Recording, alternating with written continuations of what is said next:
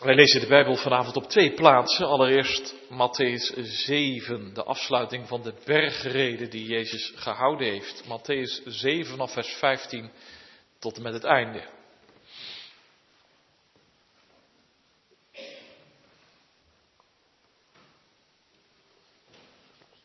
Dan zegt Jezus, maar wees op uw hoede voor de valse profeten die in schapenvacht naar u toekomen, maar van binnen roofzuchtige wolven zijn. Aan hun vruchten zult u hen herkennen. Men plukt toch geen druif van doornstruik of vijgen van distels. Zo brengt iedere goede boom goede vruchten voort en een slechte boom brengt slechte vruchten voort. Een goede boom kan geen slechte vruchten voortbrengen en een slechte boom kan geen goede vruchten voortbrengen. Iedere boom die geen goede vrucht voortbrengt, wordt omgehakt en in het vuur geworpen. Zo zult u hem dus aan hun vruchten herkennen. Niet ieder die tegen mij zegt, Heere, Heere, zal binnengaan in het koninkrijk der hemelen, maar wie de wil doet van mijn Vader die in de hemelen is. Velen zullen op die dag tegen mij zeggen, Heere, Heere, hebben we niet in uw naam geprofiteerd en in uw naam demonen uitgedreven en in uw naam veel krachten gedaan? Dan zal ik hun openlijk zeggen, ik heb u nooit gekend. Ga weg van mij, u die de wetteloosheid werkt. Daarom, ieder die deze woorden van mij hoort en ze doet, die zal ik vergelijken met een verstandig man die zijn huis op de rots gebouwd heeft.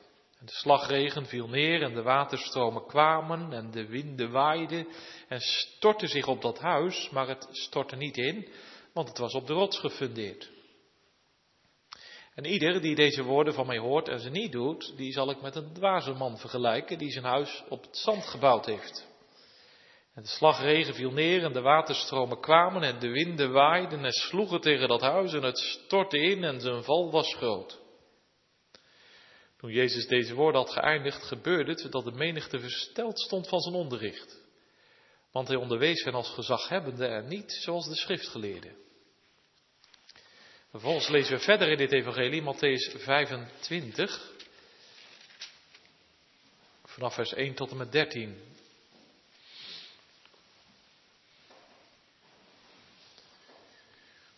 Dan zegt Jezus, dan zal het koninkrijk der hemelen gelijk zijn aan tien meisjes die hun lampen namen op weg gingen de bruidegom tegemoet.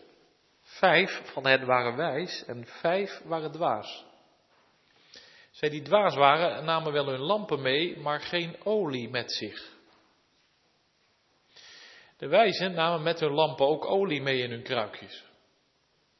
Toen de bruidegom uitbleef, eh, werden ze alle slaperig en vielen in slaap. En te middernacht klonk er een geroep, zie, de bruidegom komt, ga naar buiten hem tegemoet. Toen stonden al die meisjes op en maakten hun lampen in orde. De dwazen zeiden tegen de wijze, geef ons van uw olie, want onze lampen gaan uit. Maar de wijze antwoordde in geen geval, anders is er misschien niet genoeg voor ons en u. Ga liever naar de verkopers en koop olie voor uzelf. Toen ze weggingen om olie te kopen, kwam de bruidegom en zij die gereed waren, gingen met hem mee naar binnen, naar de bruiloft en de deur werd gesloten. Later kwamen ook de andere meisjes die zeiden, Heer, Heer, doe ons open. Hij antwoordde en zei, voorwaar, ik zeg u, ik ken u niet. Wees dan waakzaam, want u weet de dag en ook het uur niet waarop de Zoon des Mensen komen zal. Dit is het woord van God.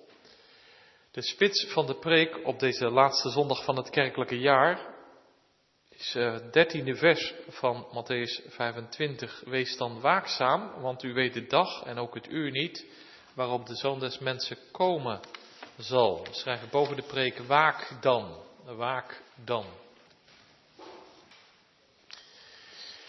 Ja, gemeente, ben je goed in wachten? Bent u goed in wachten? Op de trein, op de bus, op de meester, op de juffrouw, bij de dokter, bij de tandarts, in de rij van de kassa, in de file. We wachten wat af, hè? Er is onderzoek gedaan hoe lang een mens wacht in zijn leven. Nou, wat denk je? Gemiddeld twee jaar. Dat is dus bij elkaar zo'n 17.500 uren. Dat is een tijd. Dus ja, ik hoop dat je het geleerd hebt om te wachten. Want je ontkomt er niet aan op allerlei momenten, in allerlei situaties. Het vraagt meer dan eens volharding. Wachten, wachten en nog eens wachten. Nou ja, wachten, onze tekst heeft het over waken. Dat klinkt nog weer iets anders. Zoals in het Oude Testament, de wachters op de stadsmuren, ze lopen heen en weer, ze turen naar alle kanten, ze zijn gespitst, ze zijn gefocust. Jezus zegt, hou zo vol in het waken, in het oplettend wachten. Maar op wat dan? Op wie dan? Op de zoon des mensen. Dat is een uitdrukking uit Daniel 7. Kijk het maar na. Na alle strijd is die mensenzoon verhoogd, zit hij op zijn troon. Die mensenzoon, dat is niemand minder dan Jezus. Wij wachten op Jezus. Waarom? Waarvoor? Nou, kijk in de tekst. Jezus spoort ons aan en hij zegt: Waak dan, want je weet de dag niet, je weet het uur niet, waarop de zoon des mensen komen zal. Met die aansporing sluiten we vanavond dit kerkelijke jaar af. Want je zou kunnen denken, waar doen we het nou allemaal voor in de kerk? Elk jaar weer een nieuw kerkelijk jaar. Volgende week Advent en over vier weken dan weer Kerst, Pasen, Hemelvaart, Pinksteren. Wat zeg ik? Iedere week naar de kerk, s morgens, s avonds. Al dat kerkenwerk, het is als een wake-up call. Want Jezus moedigt ons aan en hij zegt, blijf waken, blijf wachten, want ik kom terug. Maar ja, wees eerlijk, velen zijn dat wachten wel moe, hè? Ze hebben er gewoon geen vertrouwen meer in. Zeker in ons rijke Westen, we weten er alles van. Ouderen die opgeven voor de coronatijd. Hé, hey, toen was hij nog in de kerk. Ja, nu komt hij eigenlijk niet meer. Jongeren die afhaken, want ja, nog één keer zo mee met pa en moe, maar meer ook echt niet. Inmiddels is zij helemaal gestopt. Wat een verdriet. Waarom haak je af? Waarom stop je eigenlijk? Nou ja, ik hoor niks van de hemel. Ik zie zoveel lijden in deze wereld. Hoe kan dat nu? Trouwens, trouwens, ze zeggen al zo lang dat Jezus terug zal komen. Maar het duurt al meer dan 2000 jaar. Ik geloof er niet meer in hoor. Luister dan vanavond naar Jezus, want hij heeft het gezegd. Lees het maar na in Matthäus 24. Hij heeft gezegd, het gaat lang duren. Deze wereld zal door heel veel nachten heen gaan, door oorlogen, hongersnoden, besmettelijke ziekten, aardbevingen, als weeën voordat hij komen gaat. Maar hou nou vol. Blijf waakzaam, want hij zal zeker komen, daar kun je vast op rekenen. De geschiedenis is geen dolgedraaide schroef, hè? ken je dat? Zo'n schroef die maar draait en draait, zonder dat het ooit, en dat die ooit omhoog komt. Nou, zo is de geschiedenis niet, zo van ja, draait en draait maar door, zonder zin en doel. Nee, zegt Jezus, het loopt uit op één groot bruiloftsfeest. Alleen let goed op, want vijf meisjes gaan mee de feestzaal in. Ze zijn gereed, ze hebben gewacht. Ze zijn klaar voor zijn komst. Maar het andere is ook waar. Vijf meisjes zullen bonzen op de deur. Ze zullen zeggen, doe open, doe open. Maar de bruidegom zal zeggen, ik ken u niet. Voel je? Het gaat dus echt ergens over, hè? Wij zijn hier niet een soort gezelligheidsvereniging. De kerk is niet een soort bezigheidstherapie. Iets van hoe houden we de jongeren van de straat en hoe houden we de ouderen een beetje bezig. Nee, Jezus komt. Alleen ben je gereed als Hij komt. Bent u gereed? Met die vraag eindigen we dit kerkelijke jaar. En we stellen elkaar de vraag, wie ben jij? Waar sta jij? Ben jij nou wijs of ben je dwaas? Nou goed, Jezus spreekt deze gelijkenis uit vlak voor zijn lijden en sterven, Matthäus 26 en Matthäus 27. En hij zegt in vers 1, dan zal het koninkrijk der hemelen gelijk zijn aan tien meisjes, dan, wanneer, als de zoon des mensen komt, dan wordt het feest, bruiloftsfeest. Mooi toch? Een bruiloft, het woord alleen al, het stroomt over van blijdschap. Misschien weten sommigen onder ons er alles van. Je bereidt je voor op je bruiloft over een paar weken, over een paar maanden, over een paar jaar. Dan is het zover. Nou, van alles moet je regelen. Het stadhuis, de kerkdienst, de receptie, een diner. Misschien ben jij wel eens bruiloftsmeisje of bruidsjongen geweest. Kreeg een mooie jurk aan of een mooi pak aan. Je was de hele dag dicht bij het bruidspaar. Zo gaat dat. Alleen hoe ging dat nou in Jezus dagen? Want om deze gelijkenis te begrijpen moet je weten hoe zo'n bruiloft dan in Jezus dagen ging. Nou, zo'n bruiloft in Jezus dagen was een heel gebeuren, kan ik je vertellen. Daar en toen zag het er ongeveer zo uit. De gasten en de bruidsmeisjes die gaan s'morgens vroeg naar het huis van de bruid. Het gezin, de neven, de nichten, de ooms, de tantes. Kinderen rennen rond, vrouwen zitten bij de bruid, ze bewonderen alvast de bruidsjurk. Mannen drinken elders samen thee. En de bruidegom, ja, de bruidegom moet nog komen. Soms duurt het urenlang voordat de bruidegom komt. Waarom? Nou, de beide vaders, de vader van de bruid en de vader van de bruidegom, zijn bij elkaar gekomen. Ze sluiten een verbond in aanwezigheid van de bruidegom. Er wordt druk gepraat, er wordt onderhandeld over de bruidschat, over de financiën. En als ze eruit zijn, staan ze op. Nu gaan de bruidegom en zijn familie onderweg naar de bruid in het bruidshuis. Onderweg sluiten allerlei mensen zich aan bij die stoet. Er wordt gezongen, er wordt gehuppeld, er klinkt muziek, trommels, fluiten, cites, van alles. Intussen zijn de bruidsmeisjes uit het huis van de bruid ook onderweg gegaan. Zij gaan de bruidegom tegemoet. Zij zullen straks de bruidegom begeleiden. Het laatste stukje van de rit zullen ze de bruidegom vergezellen. Onderweg naar zijn bruid.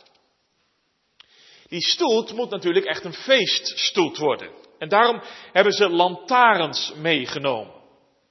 Die lantaarns die bedoeld worden, dat zijn niet van die kleine olielampjes, maar je moet dan denken aan uh, van die fakkels. Van die lange stokken. Aan het eind van zo'n stok zit een bakje waar je olie in kunt doen, compleet met lont om aan te steken. Het zal een zee van licht zijn, symbool van de vreugde, Jeremia 25. Die fakkels, die zijn dus als een herkenningsteken. Ja, zoals je op een bruiloft uh, corsages draagt soms, hè, op je revers. En dan weet je, hé, dat is een daggast. Die hoort bij de binnenste cirkel van deze dag. Nou, zo kun je aan die lampen zien, dat zijn bruidsmeisjes. Die horen bij de bruidegom. Zij zullen de bruidegom feestelijk naar binnen brengen in het huis van de bruid. Want binnen, ja, daar is de bruid. En ze wacht vol spanning en vol verlangen, wanneer komt hij? Soms duurt dat wachten wel even. Want de vaders komen er gewoon niet zo snel uit. Of de stoet is zo lang geworden, het hele dorp loopt uit, het gaat echt voetje voor voetje. Maar als hij komt, wat een ontmoeting. Zes dagen hebben de bruid en de bruidegom elkaar niet gezien. Dit is de zevende dag. Eindelijk. Nu wordt hun liefde bezegeld en bevestigd. Nou, zo zegt Jezus, zo zal het zijn als ik kom. Dan begint het bruiloftsfeest. De kerk heeft dus een geweldige boodschap. Hè?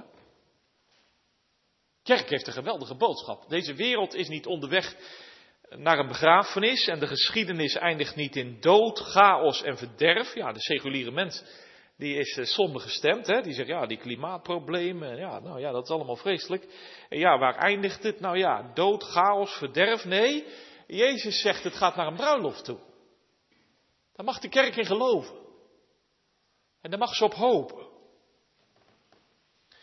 Dominee Jacques van Dijk, misschien uh, heeft u wel eens van zijn naam gehoord of zelfs spreken van hem gehoord. Die preekt eens over deze tekst. Hij had een hele eigen manier van preken. Sommigen zullen hem misschien kennen. Hij zei in een preek bij deze tekst, ja mensen, als ik soms naar de kerkmensen kijk, dan denk ik, zijn ze nou onderweg naar een bruiloft of zijn ze onderweg naar een begrafenis? Zijn ze nou onderweg naar een bruiloft of zijn ze onderweg naar een begrafenis? Je begrijpt het wel. De vraag is dus ook vanavond, kunnen andere mensen nou aan ons merken, die mensen daar in Randwijk en in Zoetermeer, die zijn onderweg naar een bruiloft. Dat kun je gewoon aan ze zien. Dat kun je aan ze horen. Zij wachten ergens op. Ze zien uit naar Jezus' komst. Daar zijn zij helemaal op gefocust. Maar ook hier onder elkaar als gemeente van God te Randwijk. Kunnen we dat nou aan elkaar merken? Wie op weg is naar de bruiloft en wie niet. Wie niet? Ja. Want eerlijk is eerlijk, dat is wel de vraag waar het vanavond op aankomt. Ben jij echt onderweg naar deze bruiloft? Ik bedoel, er is nogal verschil bij die meisjes. Kijk, tien meisjes, alle tien zijn het verbondskinderen, alle tien zijn ze voorzien van een lamp, alle tien dragen ze dus zo'n herkenningsteken. Wij horen bij de bruidegom, alle tien willen ze naar het feest, maar ze komen niet alle tien op het feest. Hoor je dat? Want die tien meisjes, dat is het beeld van Gods gemeente op deze aarde. En je zou kunnen zeggen, wij zijn allemaal verbondskinderen. We hebben allemaal een teken en zegel ontvangen. We hebben allemaal te horen gekregen in het uur van de doop, jij hoort bij de bruidegom. Alle tien verbondskind. Maar niet alle tien straks op de bruiloft. Als ik dat zeg, dan voel ik spanning. Jij ook? Want de scheidslijn loopt dus dwars door de christelijke gemeente heen. Als ik categorisatie geef aan de jongeren in Zoetermeer, dan zit ik daar wel eens mee, snap je dat? Dan uh, praat ik met de jongeren en dan kijk ik naar de jongeren en dan denk ik, ja, komen nou al deze jongeren straks op het feest? Gaan ze straks nou allemaal binnen? Of blijven sommigen van hen of vele van hen straks buiten?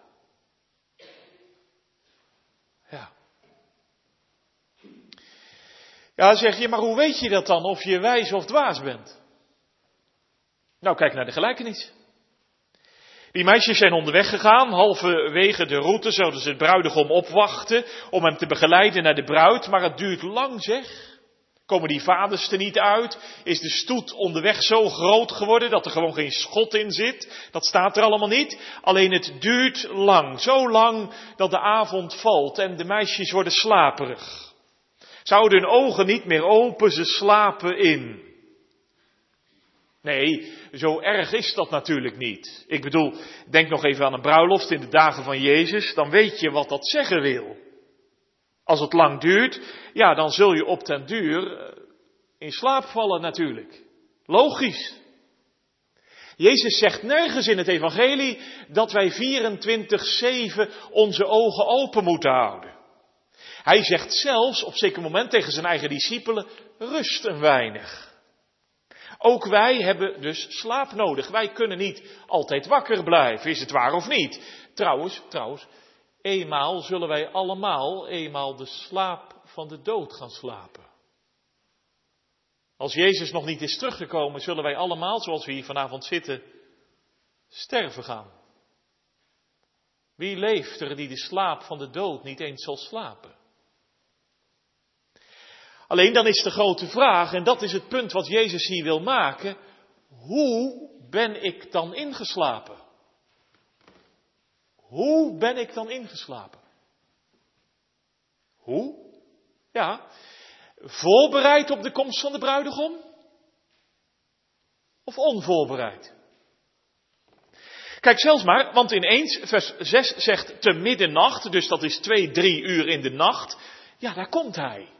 De bruidegom komt, ga naar buiten, hem tegemoet. Die meisjes maken hun lampen in orde, maar nu blijkt het verschil. Die vijf wijze meisjes hebben olie bij zich. Ze zijn op alles voorbereid. Ze wisten het kan lang duren. Sowieso, we moeten olie meenemen. Want het moet natuurlijk een echte feeststoet zijn. Ze vullen het bakje met olie. Ze steken de lampen aan. Ja, hij brandt. Maar die andere vijf, ze hebben geen olie. Ik dacht altijd, ze hebben geen extra olie, maar dat staat er niet. Vers 3 zegt, ze hebben geen olie met zich genomen. Dus ze hebben wel een lamp en wel een fakkel, maar geen olie. Niets, nul, niet. Alleen een fakkel. Ja, voor het oog mooi, maar je hebt er niks aan. Zie, de bruidegom komt. Die vijf dwaze meisjes steken ook een lamp aan. Nou ja, zo'n katoenen lont doet het nog wel even. Zo staat het ook in vers 8, hè. Maar al heel snel uit. Donker, geen licht. Gemeente, voelt u wat Jezus hier zeggen wil? Want die dwaze meisjes zijn dus niet zielig. Die zijn dwaas. Ze moeten zich schamen. Alleen al hun houding, hè? want hoor eens hoe ze praten tegen die andere meisjes.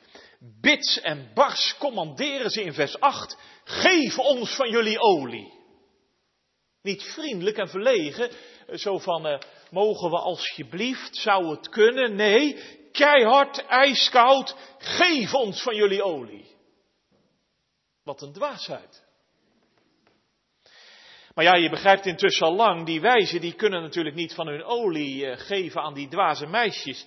In vers 9 zeggen ze dat ook. Ze zeggen, ja, dat gaat natuurlijk niet.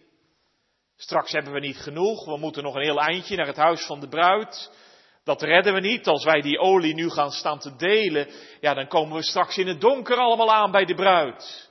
Dat zou een schande zijn. Ga, koop voor jezelf. De stoet gaat verder. De vijf wijzen gaan met de bruidegom mee, de feestzaal in, zegt vers 10. De vreugde is compleet, het feest kan beginnen. Maar die vijf dwaze meisjes dan? Nou kijk eens. Ze komen aan en ze bonzen op de deur. Heer, Heer, doe ons open. Maar de bruidegom zegt, ik ken u niet. Dat betekent, er is geen echte liefde tussen ons. Er is geen echte genegenheid tussen ons. Ik ken u niet. De deur blijft gesloten. Ja, gemeente, zo zal het gaan op de dag van Jezus' komst. Dan zal er verschil zijn op leven en dood hemel of hel, binnen of buiten. Heel wat commentaren vlakken dit af. Maar dan doen we de woorden van Jezus natuurlijk geen recht. Jezus zegt deze gelijkenis en spreekt hem niet uit om te zeggen, nou ja, het valt wel mee en misschien. Uh, nee. Voor Jezus is dit juist een wake-up call. Waak dan, want je weet de dag niet en het uur niet waarop de Zoon des Mensen komen zal. Het komt er dus op aan dat we waken, dat we in liefde verbonden zijn aan de bruidegom, dat we olie meedragen. Het gaat dus echt ergens over in de kerk. Laten we de gelijkenis ook in de komende week meenemen en elkaar erop bevragen, elkaar aanmoedigen. Dat we elkaar de vraag stellen, ben jij nou wijs? Of ben je dwaas? Ga jij nou straks binnen? Of blijf je straks buiten? Heb jij olie bij je? Nou, zegt misschien iemand, ik vind dit allemaal wel heftig.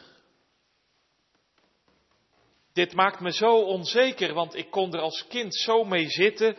En dan lag ik in bed en ja, dan zat ik maar te denken, zou ik nou binnen gaan of buiten blijven? Het maakt me weer zo bang.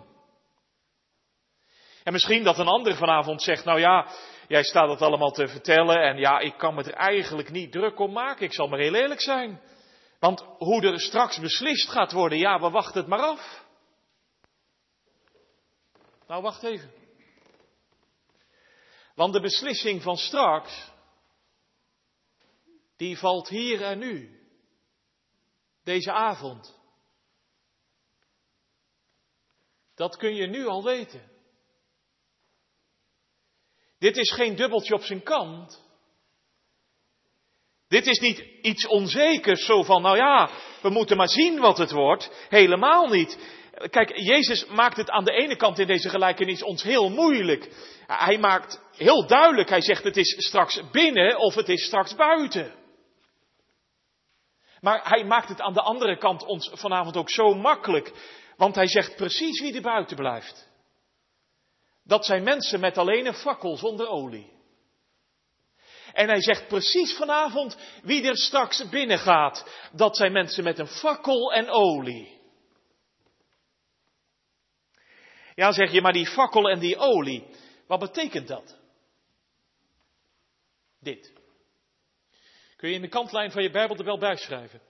Die fakkel en olie, dat betekent horen en doen. Horen en doen. Ga ik uitleggen. Ik zou vanavond kunnen zeggen, wij hebben allemaal een fakkel. Toch? We hebben allemaal een fakkel. We hebben allemaal Jezus woorden in ons leven mogen horen. We hebben allemaal een Bijbel in huis.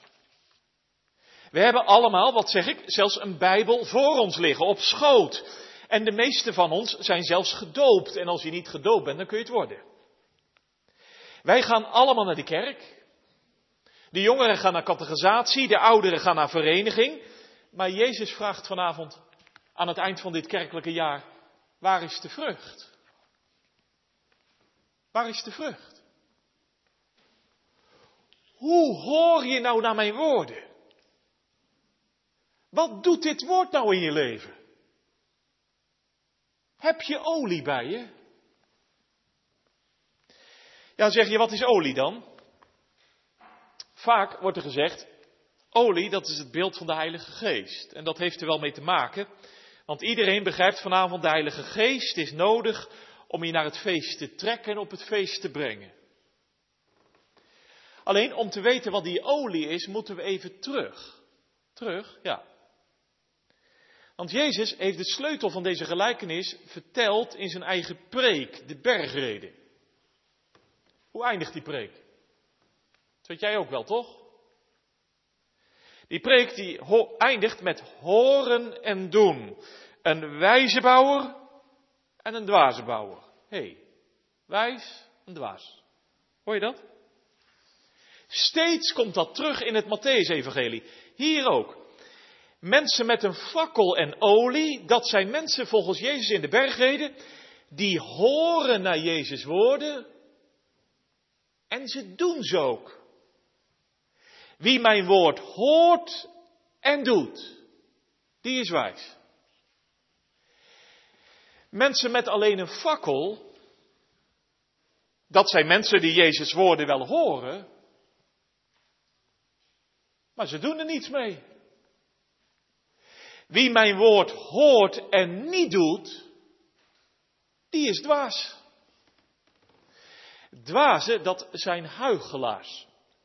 Wel vijftien keer lees je dat in het Matthäus-evangelie. Lees dit evangelie deze week maar door. Huigelaars, huigelaars. Anders gezegd, dat zijn schijnheiligen. Schijnheilig, ja, dat klinkt natuurlijk heel grof. Maar dat, klinkt, dat is natuurlijk veel gniepiger en veel sluipender dan jij en ik denken. Dat zijn mensen van de buitenkant, klopt het allemaal. Voor het oog best godsdienstig. Maar het is schijn. Die olie, dat is dus wat dit woord bij je doet. Wat dit woord bij je uitwerkt. Daar komt het op aan. Dat we echt horen vanavond wat Jezus zegt, zodat we het ook doen gaan. Ja, zeg je, ja, ja, ja, dat, dat hoor ik dus nu. Uh, horen en doen, dan ben je wijs. Horen en doen, fakkel en olie, horen en doen. Maar, maar, hoe weet ik nou of ik Jezus woorden hoor en doe? Nou, echt horen, dat is allereerst verlangen naar Hem. Verlangen naar de bruidegom. Dat is een liefdesrelatie hebben met Hem. Als dit woord opengaat, dat het voor je is als een liefdesbrief. En je spelt de woorden één voor één. Je hart gaat branden.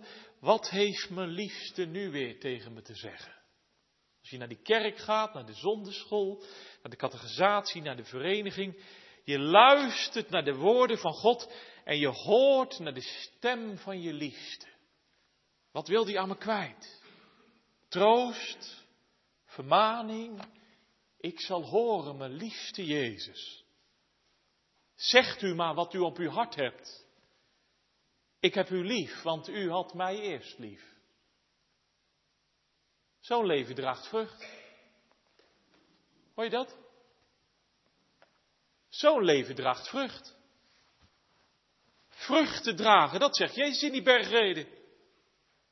Dus vruchten dragen, dat is niet eh, iets van uh, je moet dit en je moet dat en je zult zus en je zult zo. Nee, dat weet u veel beter nog dan ik het weet hier in de Betuwe.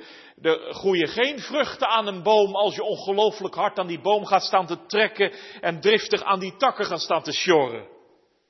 Maar vruchten groeien er aan de boom als de boom geworteld is. Als er voldoende licht is, als er genoeg mest is, als je verbonden bent aan Jezus, aan zijn woorden, aan zijn daden, aan zijn liefde, aan zijn genade. Nou gemeente, mag ik dan even naast u komen zitten? Want dit verlangen vanavond, ken je dat? Die liefde voor Jezus woorden. Die liefde voor de Bijbelwoorden. Dat je zo verlangt naar zijn stem. Dat je mens geworden bent die zo graag wil doen wat Jezus vraagt. Bent u zo'n mens? Dat u zegt, ja man, ik zit hier vanavond en ik doe zo graag wat Jezus van me vraagt.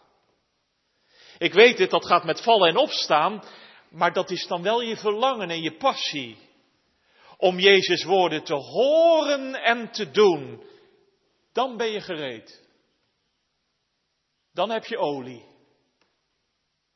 En dan mag je in het komende kerkelijke jaar weer een heel jaar lang je olie bijvullen voor het feest dat komt. Geweldig toch? Geweldig toch? Of heb je geen verlangen naar Hem? Waar verlang je dan naar? Vertel het eens. Waar verlangt u naar? Ja, zeg je ja, ja, een beetje rust, een beetje vakantie, een beetje eten, een beetje drinken, een beetje werken, een beetje studeren, een beetje genieten, een beetje uitgaan, een beetje kerk. Ja, ook wel, wel, wel een beetje kerk, ja hoor. En een beetje Bijbel en een beetje meedoen. Oh, en dan? Ja, dan gaan we dood. Inderdaad. Maar dan sta je straks wel buiten. Dan hoor je straks, ik ken u niet. Dat zou toch wat zijn, gemeente, als je zo dicht bij de bruidegom bent. Als je vanavond zo dicht bij het feest bent, maar toch buiten. Jongens, vertel nou eens, hè, als je nou om je heen kijkt, ook, ook naar jongeren in je omgeving, zou dat het dan echt zijn? Zou dat het echt zijn? Dat je denkt, ja, een beetje vakantie, een beetje eten, een beetje drinken, een beetje werken, een beetje studeren, een beetje uitgaan, een beetje, ja, een beetje kerk, een beetje bijbel, een beetje... Zou dat het zijn? Kom gemeente, de geest is vanavond vlakbij. En hij wil je ogen openmaken voor het eerst of opnieuw, voor Jezus Christus, want een hoofdstuk later, daar gaat hij. De bruidegom, hij geeft zijn leven uit liefde voor al zijn bruidskinderen. Hij doet alles, hij doet alles en hij geeft alles van zichzelf. Hij hoort naar de woorden van zijn vader. Hij doet wat zijn vader zegt tot in de nacht van Gethsemane, tot in de verlatenheid van Golgotha. Hij hoort en hij doet. Zodat jongeren en ouderen door de Heilige Geest vanavond maar één kant op geblazen worden. Naar Jezus toe. Je vastklemmen vanavond aan Hem. In geloof en liefde. Bloeien gaan voor God en je naaste. In Hem en Zijn woorden wortelen gaan. Wijs worden in de ogen van God. Ja, misschien, misschien ben je dan wel dwaas in de ogen van de wereld. Ik weet het niet, maar misschien dat je morgen dan naar je vrienden gaat of naar je studiegenoten. En, en ben je wel dwaas in de ogen van de wereld. Denk jij echt dat Jezus komt? Geloof jij dat nog? Laat je dan heel je leven daardoor bepalen. Nee, neem je dat allemaal serieus wat ze in de kerk zeggen? Ja, want ik verlang naar Hem. Hij is mijn liefste. Ik ben van Hem en Hij is van mij. Ik ben niet onderweg naar de dood en de begrafenis. Ik ben niet onderweg naar de ondergang, maar ik ben onderweg naar de bruiloft. Door genade ben ik op Hem gefocust. Ik raak er steeds voller van, want als je goed luistert, luister goed. Hoor je het? De vreugde van het bruiloftfeest. Je kunt het nu al horen. Het klinkt al door de zoldering van deze kerk heen. Kom, bruiloftskinderen, waak en bid. Want nog even, en dan zal het klinken boven Zoetermeer en ook boven Randwijk. Boven de levenden en boven de doden. Boven de graven en boven de huizen. De bruidegom komt. Ga naar buiten, hem tegemoet. Zou je dan vanavond niet meezingen gaan? Ik verwacht de Heere. Mijn ziel wacht ongestoord. Ik hoop in al mijn klachten op de grote morgen, de dag van de bruiloft, de dag van het feest. Want Jezus zegt vanavond tegen ons allen, waak dan, want je weet de dag niet en je weet het uur niet, waarop de zoon des mensen komen zal. Maranatha. Amen.